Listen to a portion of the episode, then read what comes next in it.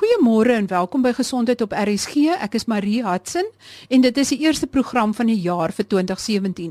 Ek wens julle alles van die beste en die mooiste en voorspoed vir 2017 toe.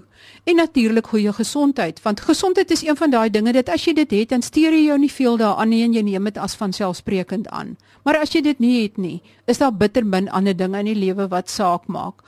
As jy siek voel, naar voel, depressief voel, pyn het, sukkel om asem te haal, dan sal mens omtrent enige iets gee net om weer gesond te voel. Ons kyk nou terug op 'n paar van die interessante gesondheidsaspekte wat ons aangeraak het in 2016 en natuurlik hoop ons om met die inligting wat ons bring vir julle te bemagtig om so gesond as moontlik te lewe of julle siekteprobleem so goed as moontlik te bestuur sodat jou kwaliteit van lewe so goed as moontlik kan wees. Kom ons kyk bietjie terug op 2016 en hier is 'n paar goed wat ek wil uitlig in hierdie eerste program van hierdie kort reeks wat ons terugkyk. Een van die dinge wat ons aan gekyk het hierdie jare wat verby is, is diktermkanker. Dit is een van daardie stil siektes wat jou kan bekruip en reeds as dit ver gevorder het, moontlik eers die eerste simptome kan wys. So kan dit beteken dat omtrent 60% van gevalle waar die pasiënte by die dokter uitkom wat hulle die eerste keer agterkom daar's dalk fout, het die siekte reeds ver gevorder of reeds na ander organe versprei. Ander stil siektes wat mens kan bekruip is natuurlik tipe 2 diabetes, want dit kan 7 jaar vat vir 'n abnormale glikose metabolisme om so abnormaal te raak dat dit in tipe 2 diabetes ontwikkel. Hoë bloeddruk het natuurlik omtrent geen simptome nie en die enigste manier om dit op te spoor is deur 'n bloeddrukmeting te neem. Eers as jou bloeddruk geweldig hoog is dat dit jou dood kan veroorsaak, sal jy omtrent eers hoofpynne ontwikkel. Niersiektes is natuurlik 'n ander siekte wat jou stadig en stilweg kan bekruip en eers as jy omtrent minder as 10% van jou nierfunksie oor het, begin jy om agter te kom dat daar iets fout is, want jy gaan so geleidelik agteruit dat jy dit nie agterkom nie. Jy kan nie een week nog tennis speel en die volgende week moet jy nierdialyse ontvang. Maar een van die dinge wat ons ook na gekyk het, is bosluis bytkoors. En juis omdat dit nou somer is en die risiko hoër is om bosluis bytkoors op te doen, luister gerus na 'n uittreksel uit die gesprek oor bosluis bytkoors.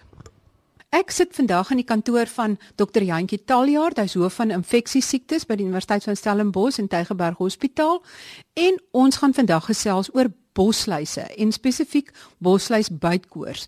Want wat kan dan nou skeefloop as 'n bosluis jou byt en nogal 'n hele paar uh, lelike ou dingetjies wat skeef kan loop?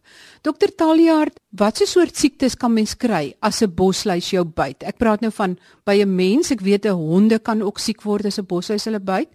Die grootste en mees algemene siekte wat mense kan kry is, is bosluis bytkoors en ek dink baie mense het al bosluisbytkoors gekry. Daar's twee verskillende soorte. Ons kan miskien nou-nou 'n bietjie meer uitbrei oor die twee verskillende soorte bosluisbytkoors wat mense in Suid-Afrika kan kry. Um, honde kry bosluiskoors wat ons noem en dit word deur 'n ander organisme veroorsaak. En dan is mens uh, in Suid-Afrika sekere dele in Suid-Afrika veral die meer plattelandse dele kan boere en plaaswerkers en abattoirwerkers blootgestel word aan iets soos Kongo-koors ook. So Kongo koors is nou die heel slegste een van dinge wat skeef kan loop, maar kom ons fokus op die algemene bosluisbytkoorse wat mens kan kry. Jy het genoem dat daar meer as een soort is. In die laat 1990s is, is daar 'n tweede tipe bosluisbytkoors ontdek in Suid-Afrika en in in suidelike Afrika. Ons besef dat daar 'n geringe soort siekte wat 'n mens kan kry en dan is daar 'n ernstiger soort bosluiskoors of 'n bosluiskoors wat ernstiger kan raak. Die twee tipes is geografies verskillend. Die een tipe kry 'n mens by jou hond meestal van 'n hond bosluis, so dit is meer in 'n stedelike of 'n of amper stedelike omgewing waar die bosluis vanaf die hond na die mens gaan. Dit noem ons 'n Mediterranean spotted fever. Dit is 'n siekte wat jy ook in die Mediterrane gedeeltes van van die wêreld kry en ook in die Caribbean areas Dit kan soms 'n redelike ernstige siekte veroorsaak. Aanvanklik baie erge hoofpyn, ehm um, die bytplek juk en kan verander en word donkerkleurig. Mens kan dan 'n veluitslag kry 'n paar dae later. So eerstens word jy siek, jy kry die hoofpyn, selfs 'n bietjie nekstyfheid, amper soos 'n meningitis. Jou oë kan ook seer wees, hoë koorse en dan die veluitslag wat 'n paar dae later aankom. Soms kan daar ook soms um, van jou limfnodes vergroot in die area waar die bytplek was. En dan soos ek gesê het, die dokter sal dan onmiddellik soek vir 'n bytplek en dan hierdie bytplek sien wat donkerder word, ons noem dit 'n Eshar. Dit kan dan beter word op medisyne dikwels, meestal, maar in mediterrane bosluisbytkoors kan dit soms vir jou in die hospitaal laat beland en soms selfs so erg word dat dit amper lyk soos 'n Kongo koors. En dikwels in pasiënte wat voordoen by ons met Kongo koors, dan soek ons altyd eers vir vir bosluisbytkoors want dit is meer algemeen as Kongo koors, 'n ernstige tipe. Die, die ander soort wat ons kry is meer in die plattelandse dele. Dit is meer wat jy kry met met mense wat in die veld gaan stap met safaris, ook weer eens boere, plaaswerkers, soldate wat miskien uitgaan in die res van Afrika en, en in die veld is. Daai soort van blootstelling veldwagters, hulle word blootgestel aan bosluise wat dan die sogenaamde Afrika bosluis bytkoors oordra, African tick bite fever. Dis 'n meer geringe siekte dit gee nie altyd vir jou 'n veluitslag nie, maar dit gee definitief ook vir jou die hoofpyn en die koorse en ook dan nou die bytplek, soms meer as een bytplek wat dan so donkerkleurig raak en uh, ook dan meer algemeen die limfnode wat vergroot in die areas. En dis 'n minder erge siekte, jy selde wat jy so siek sal word dat jy in die hospitaal sal beland, maar jy moet natuurlik medikasie neem, maar dit kan mens voel maar baie sleg. Hoe lank nadat die bosluis jou gebyt het, kan jy byvoorbeeld die Mediterrane een kry of die Afrika een? Hulle is presies dieselfde. So 5 tot 7 dae na die bytplek begin 'n ou siek word. En as jy baie sensitief is vir daai tekens, dan kan jy dit baie vroeg optel en medikasie neem en en, en jy sal amper nie baie ernstig siek word dan daarna nie. Hoe langer 'n mens wag met met medikasie, hoe sieker kan 'n mens word. Watter tipe medikasie word dan gebruik? So medikasie is eintlik baie eenvoudig, baie effektief. Dis doxycycline, dis 'n baie goedkoop antibiotika wat mens kan gebruik. En 'n mens neem dit maar vir so tussen 5 en 7 dae en daar selfs mense wat sê as jy net 'n gering siekes kyk, moet vir 3 dae neem, maar ons beveel aan 5 tot 7 dae. Hou jy enige iets daarvan oor? Herstel jy 100% of is daar nou nog een of ander iets wat in jou bloed agterbly? Mens herstel as 'n reël 100%. Daar's 'n paar gevalle met die geringer Afrika bosuitbytkoors beskrywe waar mense nog bietjie de mekaar het 'n paar neurologiese tekens het na die tyd. Maar in die meerderheid van daai gevalle ook maar jy weet 'n maand of twee later sal dit ook herstel. Moet die borsluis groot en vet wees as jy hom van jou afhaal of kan dit dalk van 'n klein borsluisies wees? Is hulle ook gevaarlik? Ja, juist die kleintjies is juist gevaarlik want hulle sien hulle nie so maklik nie. Hulle is gewoonlik aan die in die in die begin van die lente, uh, vroeg somer is hulle nogal baie prominent. Soos ek sê, hulle sien hulle nie maklik nie, so jy haal hulle vinnig af van jou vel af en jou vinniger mens hulle afhaal hoe, hoe laer die kans dat jy 'n infeksie kry. En hierdie ouetjies kruip natuurlik weg en jy sien hulle nie onmiddellik nie. In die tyd wat jy hulle kry, dan is daar reeds 'n infeksie. Ons noem hulle die nimf stadiums en die bosluise gaan maar deur stadiums. So dis nie verskillende bosluise nie. Dis maar net die stadium van die bosluise se ontwikkeling van die nimf stadium na meer volwasse stadium. So word hulle groter. En soos hulle natuurlik groter word, is dan wanneer hulle ook dan nou meer wys as hulle die bloed optrek en al hoe groter en vet word. Is dit alle soorte bosluise wat dan geïnfekteer is wat jou kan siek maak of is dit spesifieke spesies? Hoe werk dit? Nee, dit is spesifieke spesies. Soos ek nou nog gesê, die Mediterrane is meestal wat hulle noem die brown dog tick. So dit is meer 'n bosluis wat op honde en ander um, troeteldiere by die huis sal wees. En dan die een wat die Afrika bosluis koors oordra is, is een of twee of drie verskillende spesies, maar hulle is redelik naby verwant aan mekaar en is meestal dan wat op wilde diere in die veld voorkom. En waar kry die bosluis die bakterieë of die virus vandaan? Dit is 'n bakterie, dis 'n Rickettsia bakterie en hulle is maar teenwoordig in die in die omgewing en word maar aan die gang gehou tussen bosluis en dier. En die mens is maar 'n toevallige uh, tussenganger in hierdie siklus. So dit word voortgegaan tussen mens en dier en diere word gewoonlik nie so siek daarvan nie. Met ander woorde, as mense in 'n mediese joernaal lees van Rickettsia, dan bedoel hulle bosluis bytkoors en kry mens verskillende soorte reg oor die wêreld. Ja, dis korrek. Dit is eintlik maar geografies uh, afhanklik van die soort. Ehm um, so elke nou en dan is daar 'n ou wat 'n nuwe Rickettsia ontdek in sy land. Uh, en die siektes is verwant aan mekaar in terme van hoe hulle voordoen en die ernstigheidsgraad ook daarvan. Maar ek sou sê die meer ernstige soort is die wat jy in Amerika kry, die Rocky Mountain spotted fever En die Mediterrane bosluisbytkoors wat ons in Suid-Afrika kry, is ook 'n redelike ernstige een, maar in vergelyking met die Rocky Mountain sou ek sê 'n matige siekte. Ehm um, en dan is daar nou natuurlik ander wat minder ernstige siekte veroorsaak soos die Afrika bosluisbytkoors. Wat dan van die ander siektes wat bosluise ook kan oordra? Wel nou mense toe dink ek die heel belangrikste ene in Suid-Afrika is is Kongo koors. Ehm um, dit kom ook in ander lande voor. Dit kom ook voor in in, in veral in Rusland en in Oos-Europa is daar baie meer kongokoors as wat ons in Suid-Afrika het met groot uitbrekings. Maar dit is maar die siekte waaroor ons bekommerd is in Suid-Afrika. Ons sien nie baie gevalle per jaar nie. Dis meestal die droër areas van die land. Die Karoo areas, uh, Vrystaat se suidelike dele, die suidelike dele van die Noord-Kaap, uh, miskien 'n bietjie in die Wes-Kaap. En dan is daar nou gevalle ook beskrywe uit ander dele soos KwaZulu-Natal, Mpumalanga en so aan. So dit kom maar eintlik dwars oor die land voor. Ons sien so tussen 1 en 5 gevalle per jaar in die hele land. So is baie skaars, maar is natuurlik 'n baie ernstige siekte met 'n hoë sterftesyfer van omtrent 50%. En as ek nou reg onthou, is dit die bontpoot boshuis of die Hyalomma spesies en Kongo koors is 'n virus, nê? Nee? Dit is heeltemal korrek. Dit is dis die bontpoot bosluis in Afrikaans en in Engels. Dit uh, veroorsaak 'n bloedingsneiging met baie hoë koorse. Ehm um, daar is behandeling daarvoor, maar mens moet die behandeling baie vroeg begin binne die eerste dag of twee anders is dit nie van veel waarde nie. En soos ek gesê het, ehm um, dit het 'n hoë mortaliteit vir alles mense die diagnose laat maak. Dit is ook baie aansteeklik. En vir daai rede moet ons pasiënte wat moontlik Kongo koors kan hê, um, opneem in hoë isolasie omstandighede en, en daarvoor is daar 'n paar hospitale in Suid-Afrika geïdentifiseer in verskillende streke. Elke streek het 'n hospitaal wat geïdentifiseer is as 'n Kongo Koors hospitaal. Kimberley Hospitaal het een in Tygerberg Hospitaal en so kan jy deur die hele land gaan. Is daar hospitale wat geïdentifiseer is um, vir hoë risiko um, Kongo Koors gevalle. Hoe lank nadat mens deur die Hyalomma boshuis gebyt is, begin die simptome te wys en waarop moet mens let? Dit is baie vinnig, enigiets tussen 1 en 3 dae as jy dit hierdie boshuis gebyt word. Wanneer jy dit vanaf iemand anders ter aangesteek word, vat dit 'n bietjie langer, tot 5 dae, maar dit is 'n kort inkubasieperiode in vergelyking met ander siektes. So dit help ons dikwels om te onderskei of iemand miskien of ons dit moet oorweeg of nie. Die tekens aanvanklik is maar soos enige ander uh, infeksie insluitende soos soos boshuisbytkoors. So jy kan hoë koorse hê, um, jy kan uh, hoofpyn hê en oor die algemeen baie siek voel dit word dan gevolg 'n paar dae later deur 'n bloedingsneiging. So jy kan sien jy maklik kan kneus, jy mag myself 'n neusbloedings ontwikkel of bloei vanaf ander areas.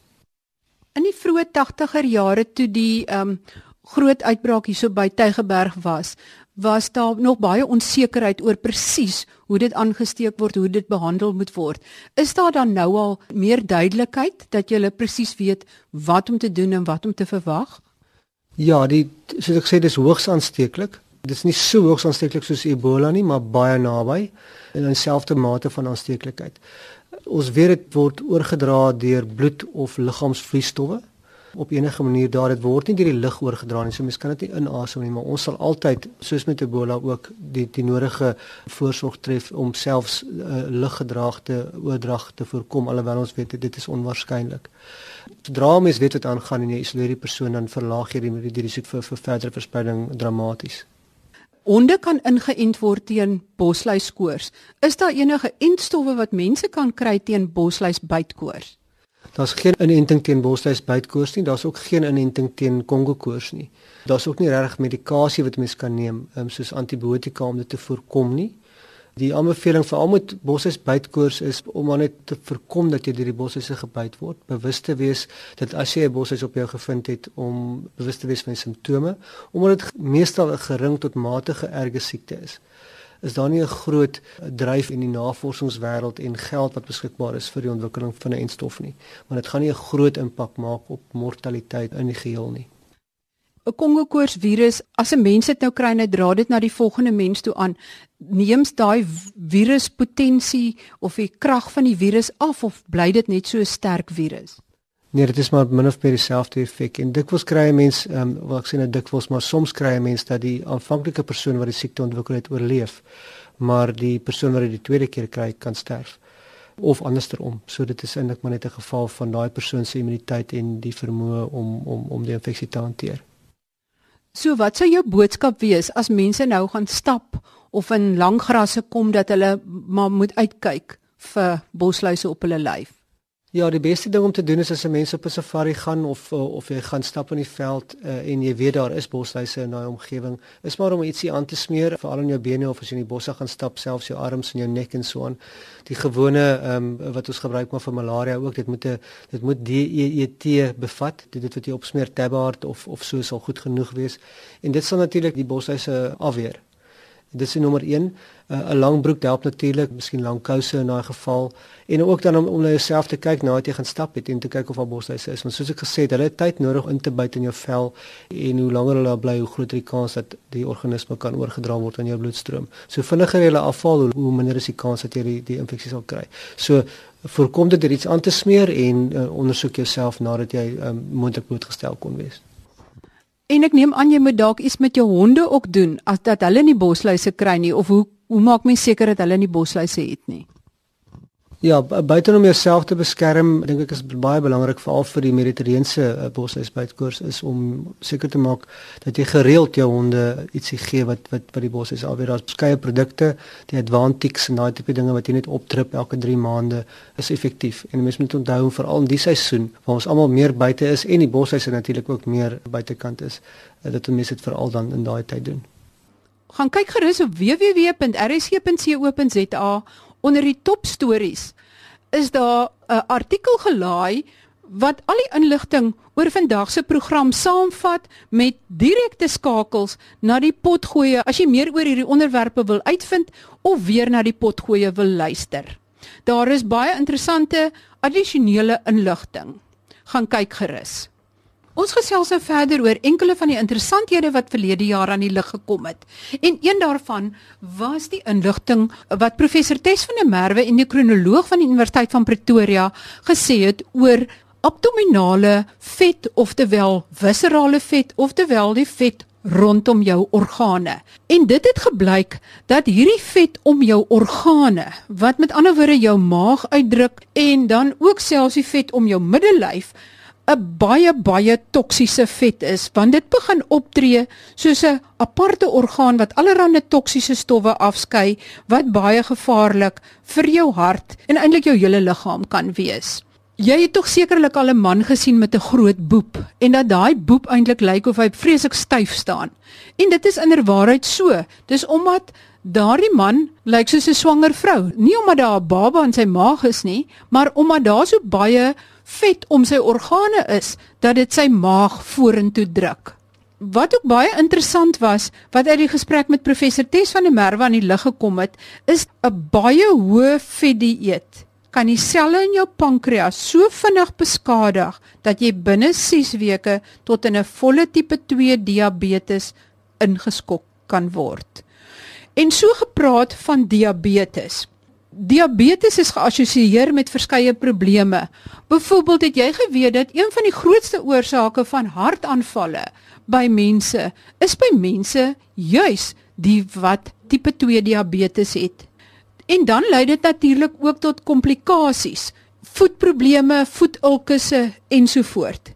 En dit het ook in hierdie jaar aan die lig gekom in een gesprek met 'n Kanadese kundige dat 85% van alle voet- en beenamputasies by diabetes is as gevolg van 'n ulkuswond wat nie goed genoeg versorg is nie.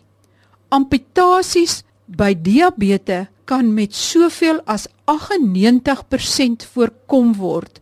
Dit hang van die diabetes af hoeveel aandag hy hieraan gee en of hy betyds dokter toe gaan en sy been en voetulkusse goed genoeg laat versorg.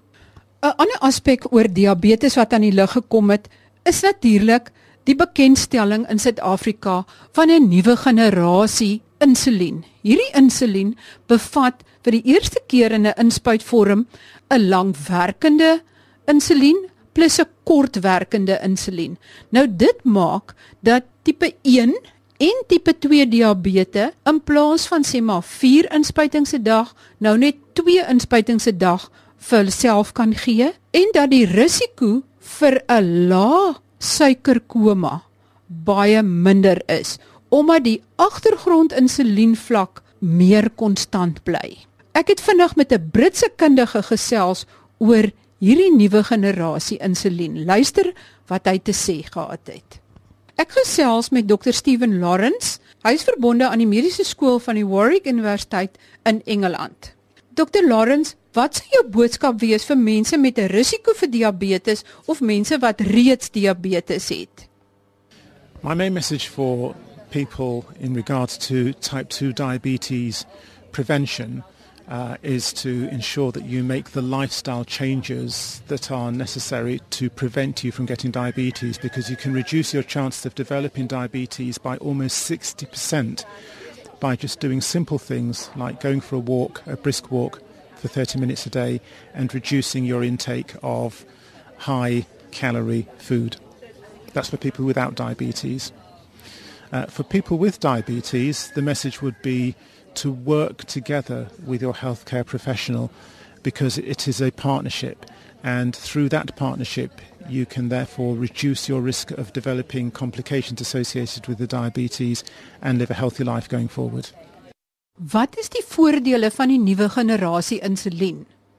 The benefit of the new generation of insulin, this co-formulation, is that for the first time you have the combination of a very long-acting insulin combined with a very short-acting insulin together in one device, which means that the person with diabetes can inject knowing that they will not be at an increased risk of what we call hypoglycemic episodes, they, where the blood glucose falls very low. Uh, they inject just before they have their meal, and there isn't any need to wait for the insulin to take effect. And they have a flexibility, uh, which means that if they have very busy lives, that they have an insulin that is really the, the, the best one to, to do that job. En dan was daar ook baie interessante aspekte wat aan die lig gekom het toe ek gesels het met Dr. Eileen Thomas. Sy is 'n psigiater verbonde aan die Universiteit van Stellenbosch en by die Tygerberg Hospitaal. In die eerste plek het ons gesels oor premenstruele sindroom PMS, maar in 'n baie erge graad. Want sowat 3 uit elke 100 vroue ly aan 'n baie ernstige graad van PMS en dit het 'n ander naam as bloot PMS, naamlik premenstruele disforiese steurnis. En daar is behandeling daarvoor. Diagnostisering en behandeling van hierdie vroue is baie belangrik want as die vroue nie behandeling kry nie, is daar 'n groter kans vir die vroue om aan nageboorte depressie te ly en nageboorte depressie kan bitter ernstige gevolge hê. In 'n ander gesprek met Dr. Aline Thomas het dit ook aan die lig gekom dat die sienings oor die verband tussen 'n fisieke siekte en 'n psigiatriese siekte of 'n gemoedsversteuring baie verander het oor die afgelope klompe jare. Voorheen het dokters altyd gedink as 'n hartpasiënt of 'n pasiënt met borskanker of met lupus depressief voel, dan sit nou maar bloot in sy gedagtes en dit moet verbygaan. Nou het die dokters vasgestel dat daar 'n baie groter direkte verband is en 'n koppeling is tussen wat in jou brein gebeur en wat in jou liggaam gebeur en dat dit dieselfde stelsels is wat betrokke is. Met ander woorde, as sekere hormoonvlakke of ensiemvlakke verander, dan veroorsaak dit nie net depressie nie, maar dit kan ook tot hartprobleme lei en so kan hartprobleme ook tot depressie lei en dat albei behandel moet word toe ek met dokter Susan Vosloo hier oor gesels, het sy gesê dit is baie belangrik dat 'n dokter nadat iemand 'n hartaanval gehad het of 'n hartoperasie gehad het, aan daai pasiënt een of ander vorm van 'n antidepressant behoort voor te skryf, want daar is so groot verband tussen hartsiekte en depressie. Volgende week kyk ek in die tweede deel van die kort reeks terug op 2016 en bring die belangrikste inligting in 'n neutedop weer vir julle. En dan as die jaar op dreef is, gesels ek oor die nuutste tegnieke in borsrekonstruksie operasies. Tot volgende week dan. Totsiens.